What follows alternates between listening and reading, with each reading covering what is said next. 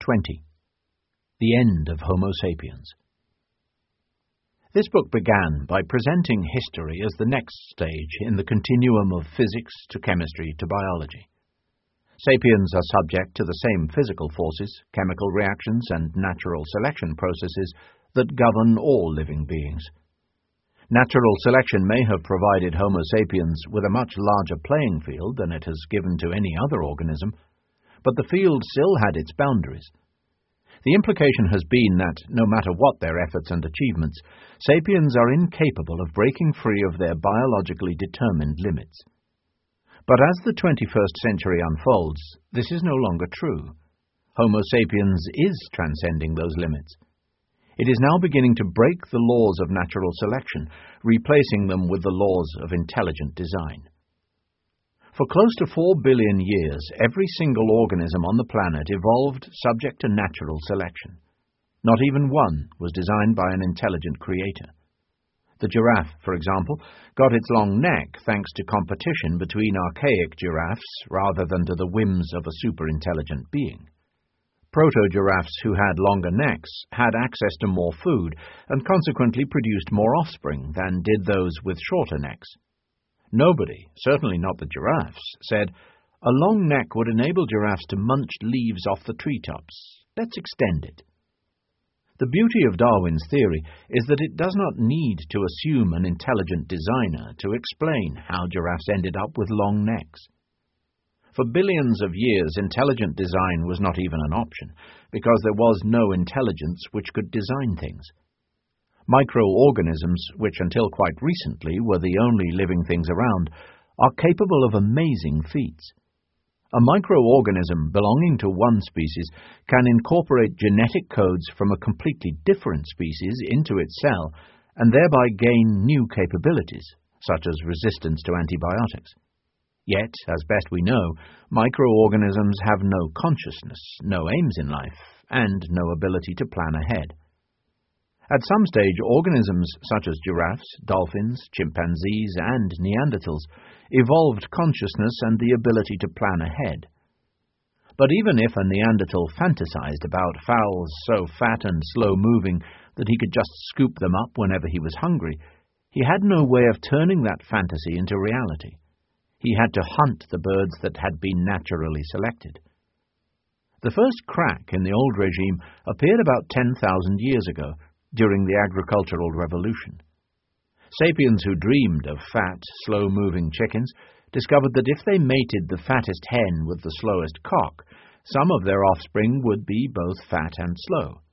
If you mated those offspring with each other, you could produce a line of fat, slow birds. It was a race of chickens unknown to nature, produced by the intelligent design not of a god, but of a human. Still, compared to an all-powerful deity, Homo sapiens had limited design skills. Sapiens could use selective breeding to detour around and accelerate the natural selection processes that normally affected chickens, but they could not introduce completely new characteristics that were absent from the genetic pool of wild chickens. In a way, the relationship between Homo sapiens and chickens was similar to many other symbiotic relationships that have so often arisen on their own in nature. Sapiens exerted peculiar selective pressures on chickens that caused the fat and slow ones to proliferate, just as pollinating bees select flowers, causing the bright, colorful ones to proliferate. Today, the four billion year old regime of natural selection is facing a completely different challenge. In laboratories throughout the world, scientists are engineering living beings. They break the laws of natural selection with impunity, unbridled even by an organism's original characteristics. Eduardo Kac, a Brazilian bioartist, decided in 2000 to create a new work of art, a fluorescent green rabbit. Kac contacted a French laboratory and offered it a fee to engineer a radiant bunny according to his specifications. The French scientists took a run-of-the-mill white rabbit embryo implanted in its DNA a gene taken from a green fluorescent jellyfish, and voila, one green fluorescent rabbit for Le Monsieur. Kac named the rabbit Alba. It is impossible to explain the existence of Alba through the laws of natural selection. She is the product of intelligent design. She is also a harbinger of things to come. If the potential Alba signifies is released in full, and if humankind doesn't annihilate itself meanwhile, the scientific revolution might prove itself far greater than a mere historical revolution. It may turn out to be the most important biological revolution since the appearance of life on Earth. After four billion years of natural selection, Alba stands at the dawn of a new cosmic era, in which life will be ruled by intelligent design. If this happens, the whole of human history up to that point might, with hindsight, be reinterpreted as a process of experimentation and apprenticeship that revolutionized the game of life. Such a process should be understood from a cosmic perspective of billions of years, rather than from a human perspective of millennia. Biologists the world over are locked in battle with the intelligent design movement, which opposes the teaching of Darwinian evolution in schools and claims that biological complexity proves there must be a creator who thought out all biological details in advance. The biologists are right about the past, but the proponents of intelligent design might, ironically, be right about the future. At the time of writing, the replacement of natural selection by intelligent design could happen in any of three ways through biological engineering, cyborg engineering, cyborgs are beings that combine organic with non organic parts, or the engineering of inorganic life. Of mice and men. Biological engineering is deliberate human intervention on the biological level, for example, implanting a gene, aimed at modifying an organism's shape, capabilities, needs, or desires in order to realize some preconceived cultural idea, such as the artistic predilections of Eduardo Kac. There is nothing new about biological engineering per se. People have been using it for millennia in order to reshape themselves and other organisms. A simple example is castration. Humans have been castrating bulls for perhaps 10,000 years in order to create oxen. Oxen are less aggressive and are thus easier to train to pull ploughs. Humans also castrated their own young males to create soprano singers with enchanting voices, and eunuchs who could safely be entrusted with overseeing the Sultan's harem. But recent advances in our understanding of how organisms work down to the cellular and nuclear levels, have opened up previously unimaginable possibilities. For instance, we can today not merely castrate a man, but also change his sex through surgical and hormonal treatments. But that's not all. Consider the surprise, disgust, and consternation that ensued when, in 1996, a photograph appeared in newspapers and on television of a mouse on whose back scientists grew an ear made of cattle cartilage cells. No, Photoshop was not involved. It's an untouched photo of a real mouse on whose back scientists implanted cattle cartilage cells. The scientists were able to control the growth of the new tissue, shaping it in this case into something that looks like a human ear. The process may soon enable scientists to manufacture artificial ears, which could then be implanted in humans. Even more remarkable wonders can be performed with genetic engineering, which is why it raises a host of ethical, political, and ideological issues. And it's not just pious monotheists who object that man should not usurp God's role. Many confirmed atheists are no less shocked by the idea that scientists are stepping into nature's shoes. Animal rights activists decry the suffering caused to lab animals in genetic engineering experiments and to the farmyard animals that are engineered in complete disregard of their needs and desires. Human rights activists are afraid that genetic engineering might be used to create supermen who will make serfs of the rest of us. Jeremiah's offer apocalyptic visions of bio-dictatorships that will clone fearless soldiers and obedient workers. The prevailing feeling is that too many opportunities are opening too quickly, and that our ability to modify genes is outpacing our capacity for making wise and far-sighted use of the skill. The result is that we're at present using only a fraction of the potential of genetic engineering. Most of the organisms now being engineered are those with the weakest political lobbies plants, fungi, bacteria, and insects. For example, lines of E. coli, a bacterium that lives symbiotically in the human gut, and which makes headlines when it gets out of the gut and causes deadly infections, have been genetically engineered to produce biofuel. E. coli and several species of fungi have also been engineered to produce insulin, thereby lowering the cost of diabetes treatment. A gene extracted from an Arctic fish has been inserted into potatoes, making the plants more frost resistant. A few mammals have also been subject to genetic engineering.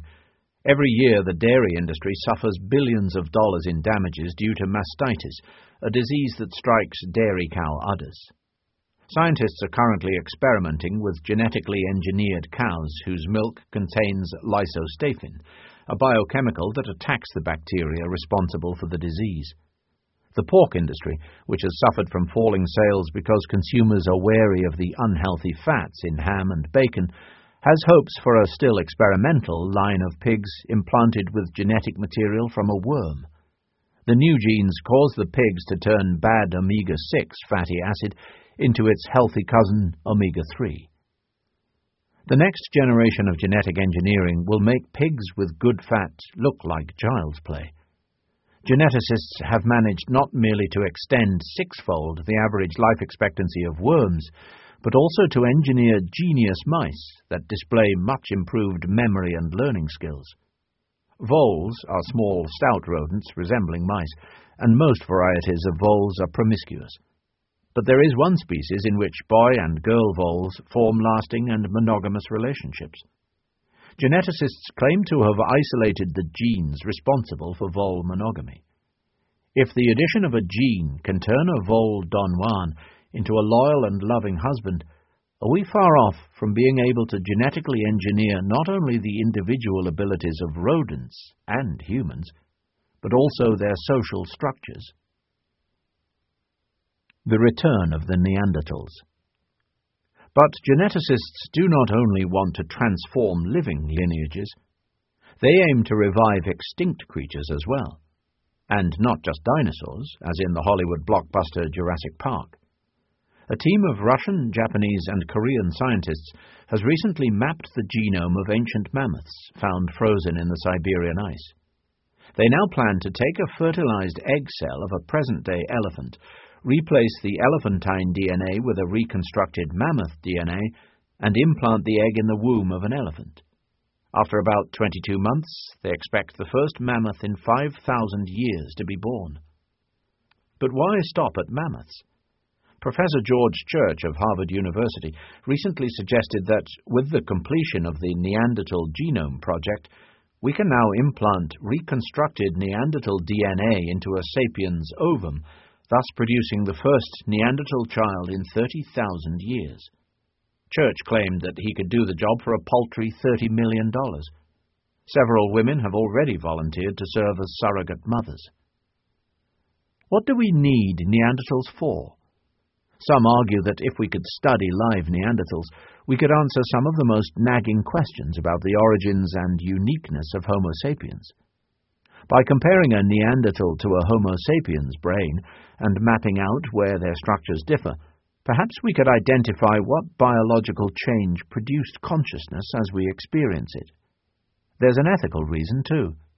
Some have argued that if Homo sapiens was responsible for the extinction of the Neanderthals, it has a moral duty to resurrect them, and having some Neanderthals around might be useful. Lots of industrialists would be glad to pay one Neanderthal to do the menial work of two sapiens. But why stop even at Neanderthals?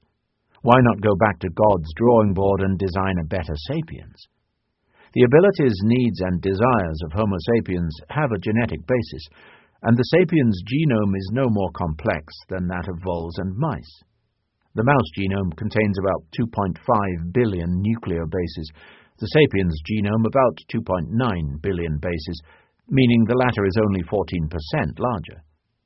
In the medium range, perhaps in a few decades, genetic engineering and other forms of biological engineering might enable us to make far-reaching alterations not only to our physiology, immune system, and life expectancy, but also to our intellectual and emotional capacities. If genetic engineering can create genius mice, why not genius humans? If it can create monogamous voles, why not humans hardwired to remain faithful to their partners?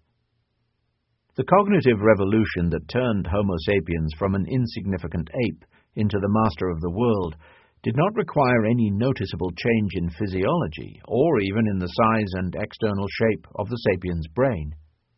It apparently involved no more than a few small changes to internal brain structure. Perhaps another small change would be enough to ignite a second cognitive revolution, create a completely new type of consciousness, and transform Homo sapiens into something altogether different. True, we still don't have the acumen to achieve this, but there seems to be no insurmountable technical barrier preventing us from producing superhumans. The main obstacles are the ethical and political objections that have slowed down research on humans. And no matter how convincing the ethical arguments may be, it is hard to see how they can hold back the next step for long especially if what is at stake is the possibility of prolonging human life indefinitely, conquering incurable diseases, and upgrading our cognitive and emotional abilities. What would happen, for example, if we developed a cure for Alzheimer's disease that, as a side benefit, could dramatically improve the memories of healthy people? Would anyone be able to halt the relevant research? And when the cure is developed, could any law enforcement agency limit it to Alzheimer's patients and prevent healthy people from using it to acquire super memories? It's unclear whether bioengineering could really resurrect the Neanderthals, but it would very likely bring down the curtain on Homo sapiens. Tinkering with our genes won't necessarily kill us, but we might fiddle with Homo sapiens to such an extent that we would no longer be Homo sapiens. Bionic life. There is another new technology which could change the laws of life cyborg engineering. Cyborgs are beings which combine organic and inorganic parts, such as a human with bionic hands. In a sense, nearly all of us are bionic these days, since our natural senses and functions are supplemented by devices such as eyeglasses, pacemakers, orthotics, and even computers and mobile phones which relieve our brains of some of their data storage and processing burdens. We stand poised on the brink of becoming true cyborgs, of having inorganic features that are inseparable from our bodies, features that modify our abilities, desires, personalities, and identities. The Defense Advanced Research Projects Agency, DARPA, a U.S. military research agency, is developing cyborgs out of insects. The idea is to implant electronic chips, detectors, and processors in the body of a fly or cockroach, which will enable either a human or an automatic operator to control the insect's movements remotely and to absorb and transmit information. Such a fly could be sitting on the wall at enemy headquarters, eavesdrop on the most secret conversations, and, if it isn't caught first by a spider, could inform us exactly what the enemy is planning. In 2006, the U.S. Naval Undersea Warfare Center reported its intention to develop cyborg sharks, declaring, NUWC is developing a fish tag whose goal is behavior control of host animals via neural implants. The developers hoped to identify underwater electromagnetic fields made by submarines and mines by exploiting the natural magnetic detecting capabilities of sharks which are superior to those of any man-made detectors. Sapiens, too, are being turned into cyborgs. The newest generation of hearing aids are sometimes referred to as bionic ears. The device consists of an implant that absorbs sound through a microphone located in the outer part of the ear. The implant filters the sounds, identifies human voices, and translates them into electric signals that are sent directly to the central auditory nerve and from there to the brain. Retina Implant, a government-sponsored German company, is developing a retinal prosthesis which may allow blind people to gain partial vision. It involves implanting a small microchip inside the patient's eye. Photocells absorb light falling on the eye and transform it into electrical energy, which stimulates the intact nerve cells in the retina. The nervous impulses from these cells stimulate the brain, where they are translated into sight. At present, the technology allows patients to orientate themselves in space, identify letters, and even recognize faces.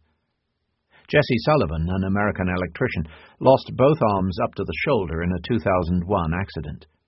Today, he uses two bionic arms, courtesy of the Rehabilitation Institute of Chicago. The special feature of Jesse's new arms is that they are operated by thought alone.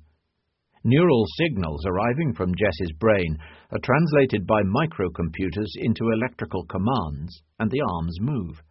When Jesse wants to raise his arm, he does what any normal person unconsciously does, and the arm raises. These arms can perform a much more limited range of movements than organic arms, but they enable Jesse to carry out simple daily functions. A similar bionic arm has recently been outfitted for Claudia Mitchell, an American soldier who lost her arm in a motorcycle accident. Scientists believe that we will soon have bionic arms that will not only move when willed to move, but will also be able to transmit signals back to the brain, thereby enabling amputees to regain even the sensation of touch. At present, these bionic arms are a poor replacement for our organic originals, but they have the potential for unlimited development. Bionic arms, for example, can be made far more powerful than their organic kin, making even a boxing champion feel like a weakling. Moreover, bionic arms have the advantage that they can be replaced every few years, or detached from the body and operated at a distance. Scientists at Duke University in North Carolina have recently demonstrated this with rhesus monkeys, whose brains have been implanted with electrodes. The electrodes gather signals from the brain and transmit them to external devices. The monkeys have been trained to control detached bionic arms and legs through thought alone. One monkey, named Aurora, learned to thought control a detached bionic arm while simultaneously moving her two organic arms. Like some Hindu goddess, Aurora now has three arms, and her arms can be located in different rooms, or even cities. She can sit in her North Carolina lab, scratch her back with one hand, scratch her head with a second hand, and simultaneously steal a banana in New York, although the ability to eat a purloined fruit at a distance remains a dream. Another rhesus monkey, Idoya, won world fame in 2008 when she thought controlled a pair of bionic legs in Kyoto, Japan, from her North Carolina chair. The legs were 20 times Idoya's weight. Locked in syndrome is a condition in which a person loses all or nearly all her ability to move any part of her body, while her cognitive abilities remain intact. Patients suffering from the syndrome have up till now been able to communicate with the outside world only through small eye movements. However, a few patients have had brain signal gathering electrodes implanted in their brains. Efforts are being made to translate such signals not merely into movements, but also into words. If the experiments succeed, locked in patients could finally speak directly with the outside world, and we might eventually be able to use the technology to read other people's minds.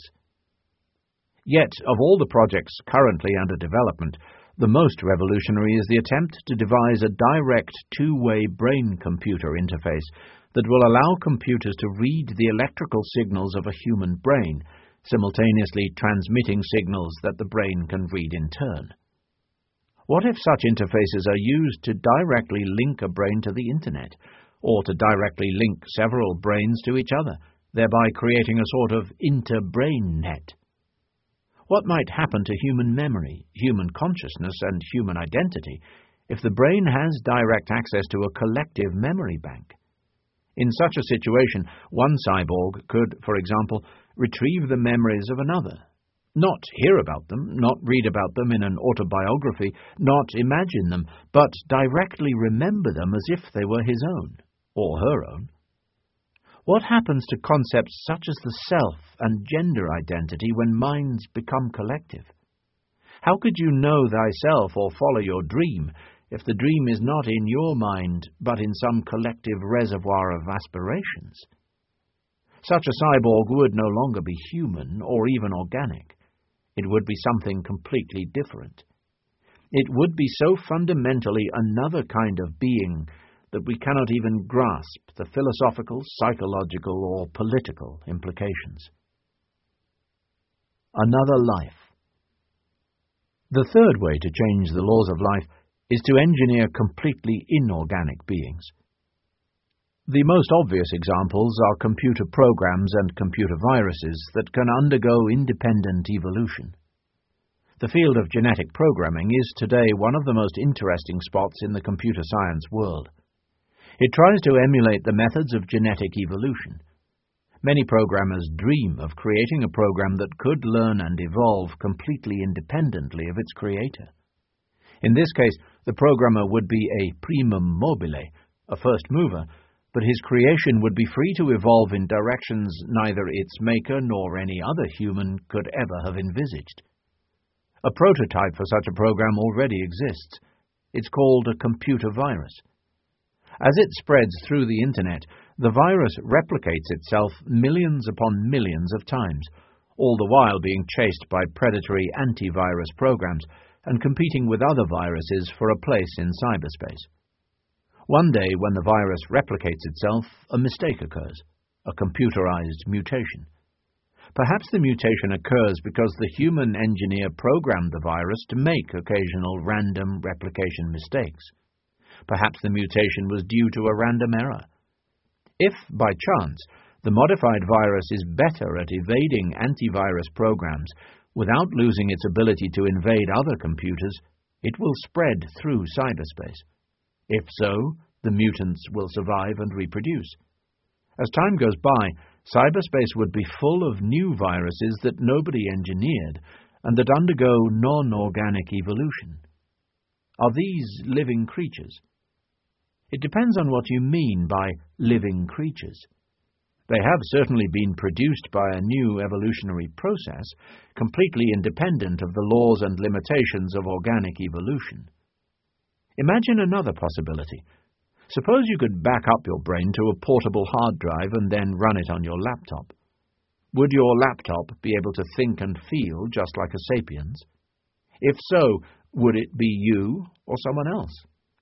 What if computer programmers could create an entirely new but digital mind, composed of computer code, complete with a sense of self, consciousness, and memory?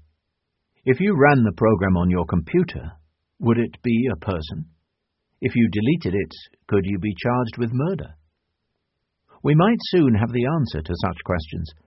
The Human Brain Project, founded in 2005, hopes to recreate a complete human brain inside a computer, with electronic circuits in the computer emulating neural networks in the brain. The project's director has claimed that, if funded properly, Within a decade or two, we could have an artificial human brain inside a computer that could talk and behave very much as a human does. If successful, that would mean that after four billion years of milling around inside the small world of organic compounds, life will suddenly break out into the vastness of the inorganic realm, ready to take up shapes beyond our wildest dreams. Not all scholars agree that the mind works in a manner analogous to today's digital computers, and if it doesn't, present-day computers would not be able to simulate it. Yet it would be foolish to categorically dismiss the possibility before giving it a try. In 2013, the project received a grant of 1 billion euros from the European Union. The Singularity Presently, only a tiny fraction of these new opportunities have been realized. Yet the world of 2014 is already a world in which culture is releasing itself from the shackles of biology. Our ability to engineer not merely the world around us, but above all the world inside our bodies and minds, is developing at breakneck speed. More and more spheres of activity are being shaken out of their complacent ways. Lawyers need to rethink issues of privacy and identity. Governments are faced with rethinking matters of healthcare and equality. Sports associations and educational institutions need to redefine fair play and achievement. Pension funds and labour markets should readjust to a world in which 60 might be the new 30. They must all deal with the conundrums of bioengineering, cyborgs, and inorganic life. Mapping the first human genome required 15 years and $3 billion. Today you can map a person's DNA within a few weeks and at the cost of a few hundred dollars. The era of personalized medicine, medicine that matches treatment to DNA, has begun.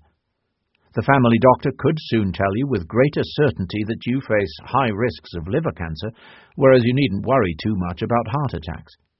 She could determine that a popular medication that helps 92% of people is useless to you, and you should instead take another pill, fatal to many people, but just right for you. The road to near perfect medicine stands before us. However, with improvements in medical knowledge will come new ethical conundrums. Ethicists and legal experts are already wrestling with the thorny issue of privacy as it relates to DNA. Would insurance companies be entitled to ask for our DNA scans and to raise premiums if they discover a genetic tendency to reckless behavior? Would we be required to fax our DNA rather than our CV to potential employers? Could an employer favor a candidate because his DNA looks better? Or could we sue in such cases for genetic discrimination? Could a company that develops a new creature or a new organ register a patent on its DNA sequences? It is obvious that one can own a particular chicken, but can one own an entire species? Such dilemmas are dwarfed by the ethical, social, and political implications of the Gilgamesh project and of our potential new abilities to create superhumans. The Universal Declaration of Human Rights, government medical programs throughout the world, national health insurance programs, and national constitutions worldwide recognize that a humane society ought to give all its members fair medical treatment and keep them in relatively good health. That was all well and good as long as medicine was chiefly concerned with preventing illness and healing the sick. What might happen once medicine becomes preoccupied with enhancing human abilities? Would all humans be entitled to such enhanced abilities? Or would there be a new superhuman elite? Our late modern world prides itself on recognizing, for the first time in history, the basic equality of all humans, yet it might be poised to create the most unequal of all societies. Throughout history, the upper classes always claimed to be smarter, stronger, and generally better than the underclass. They were usually deluding themselves. A baby born to a poor peasant family was likely to be as intelligent as the crown prince. With the help of new medical capabilities, the pretensions of the upper classes might soon become an objective reality. This is not science fiction. Most science fiction plots describe a world in which sapiens, identical to us, enjoy superior technology such as light-speed spaceships and laser guns. The ethical and political dilemmas central to these plots are taken from our own world, and they merely recreate our emotional and social tensions against a futuristic backdrop. Yet the real potential of future technologies is to change Homo sapiens itself, including our emotions and desires, and not merely our vehicles and weapons. What is a spaceship compared to an eternally young cyborg who does not breed and has no sexuality, who can share thoughts directly with other beings, whose abilities to focus and remember are a thousand times greater than our own, and who is never angry or sad, but has emotions and desires that we cannot begin to imagine? Science fiction rarely describes such a future because an accurate description is, by definition, incomprehensible. Producing a film about the life of some super cyborg is akin to producing Hamlet for an audience of Neanderthals. Indeed, the future masters of the world will probably be more different from us than we are from Neanderthals. Whereas we and the Neanderthals are at least human, our inheritors will be godlike. Physicists define the Big Bang as a singularity. It is a point at which all the known laws of nature did not exist. Time, too, did not exist. It is thus meaningless to say that anything existed before the Big Bang. We may be fast approaching a new singularity when all the concepts that give meaning to our world me, you, men, women, love, and hate will become irrelevant. Anything happening beyond that point is meaningless to us. The Frankenstein Prophecy In 1818, Mary Shelley published Frankenstein, the story of a scientist who tries to create a superior being and instead creates a monster. In the last two centuries, this story has been told over and over again in countless variations. It has become a central pillar of our new scientific mythology. At first sight, the Frankenstein story appears to warn us that if we try to play God and engineer life, we will be punished severely. Yet the story has a deeper meaning. The Frankenstein myth confronts Homo sapiens with the fact that the last days are fast approaching. Unless some nuclear or ecological catastrophe intervenes, so goes the story, the pace of technological development will soon lead to the replacement of Homo sapiens by completely different beings who possess not only different physiques, but also very different cognitive and emotional worlds. This is something most sapiens find extremely disconcerting. We like to believe that in the future people just like us will travel from planet to planet in fast spaceships. We don't like to contemplate the possibility that in the future beings with emotions and identities like ours will no longer exist, and our place will be taken by alien life forms whose abilities dwarf our own.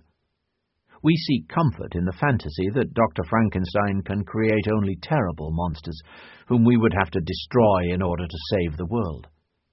We like to tell the story that way because it implies that we are the best of all beings, that there never was and never will be something better than us. Any attempt to improve us will inevitably fail, because even if our bodies might be improved, you cannot touch the human spirit. We would have a hard time swallowing the fact that scientists could engineer spirits as well as bodies, and that future Dr. Frankensteins could therefore create something truly superior to us, something that will look at us as condescendingly as we look at the Neanderthals. We cannot be certain whether today's Frankensteins will indeed fulfill this prophecy. The future is unknown, and it would be surprising if the forecasts of the last few pages were realized in full. History teaches us that what seems to be just around the corner may never materialize due to unforeseen barriers, and that other unimagined scenarios will in fact come to pass. When the nuclear age erupted in the 1940s, Many forecasts were made about the future nuclear world of the year 2000. When Sputnik and Apollo 11 fired the imagination of the world, everyone began predicting that by the end of the century, people would be living in space colonies on Mars and Pluto. Few of these forecasts came true. On the other hand, nobody foresaw the Internet. So don't go out just yet to buy liability insurance to indemnify you against lawsuits filed by digital beings. These fantasies, or nightmares, are just stimulants for your imagination. What we should take seriously is the idea that the next stage of history will include not only technological and organizational transformations, but also fundamental transformations in human consciousness and identity and these could be transformations so fundamental that they will call the very term human into question. How long do we have? No one really knows. As already mentioned, some say that by 2050 a few humans will already be amortal. Less radical forecasts speak of the next century or the next millennium. Yet, from the perspective of 70,000 years of sapiens history, what are a few millennia? If the curtain is indeed about to drop on Sapiens history, we members of one of its final generations should devote some time to answering one last question. What do we want to become? This question, sometimes known as the human enhancement question, dwarfs the debates that currently preoccupy politicians, philosophers, scholars, and ordinary people. After all, today's debate between today's religions, ideologies, nations, and classes will in all likelihood disappear along with Homo sapiens. If our successors indeed function on a different level of consciousness, or perhaps possess something beyond consciousness that we cannot even conceive, it seems doubtful that Christianity or Islam will be of interest to them, that their social organization could be communist or capitalist, or that their genders could be male or female. And yet the great debates of history are important because at least the first generation of these gods would be shaped by the cultural ideas of their human designers. Would they be created in the image of capitalism, of Islam, or of feminism? The answer to this question might send them careening in entirely different directions. Most people prefer not to think about it. Even the field of bioethics prefers to address another question what is it forbidden to do? Is it acceptable to carry out genetic experiments on living human beings? On aborted fetuses? On stem cells? Is it ethical to clone sheep and chimpanzees? And what about humans?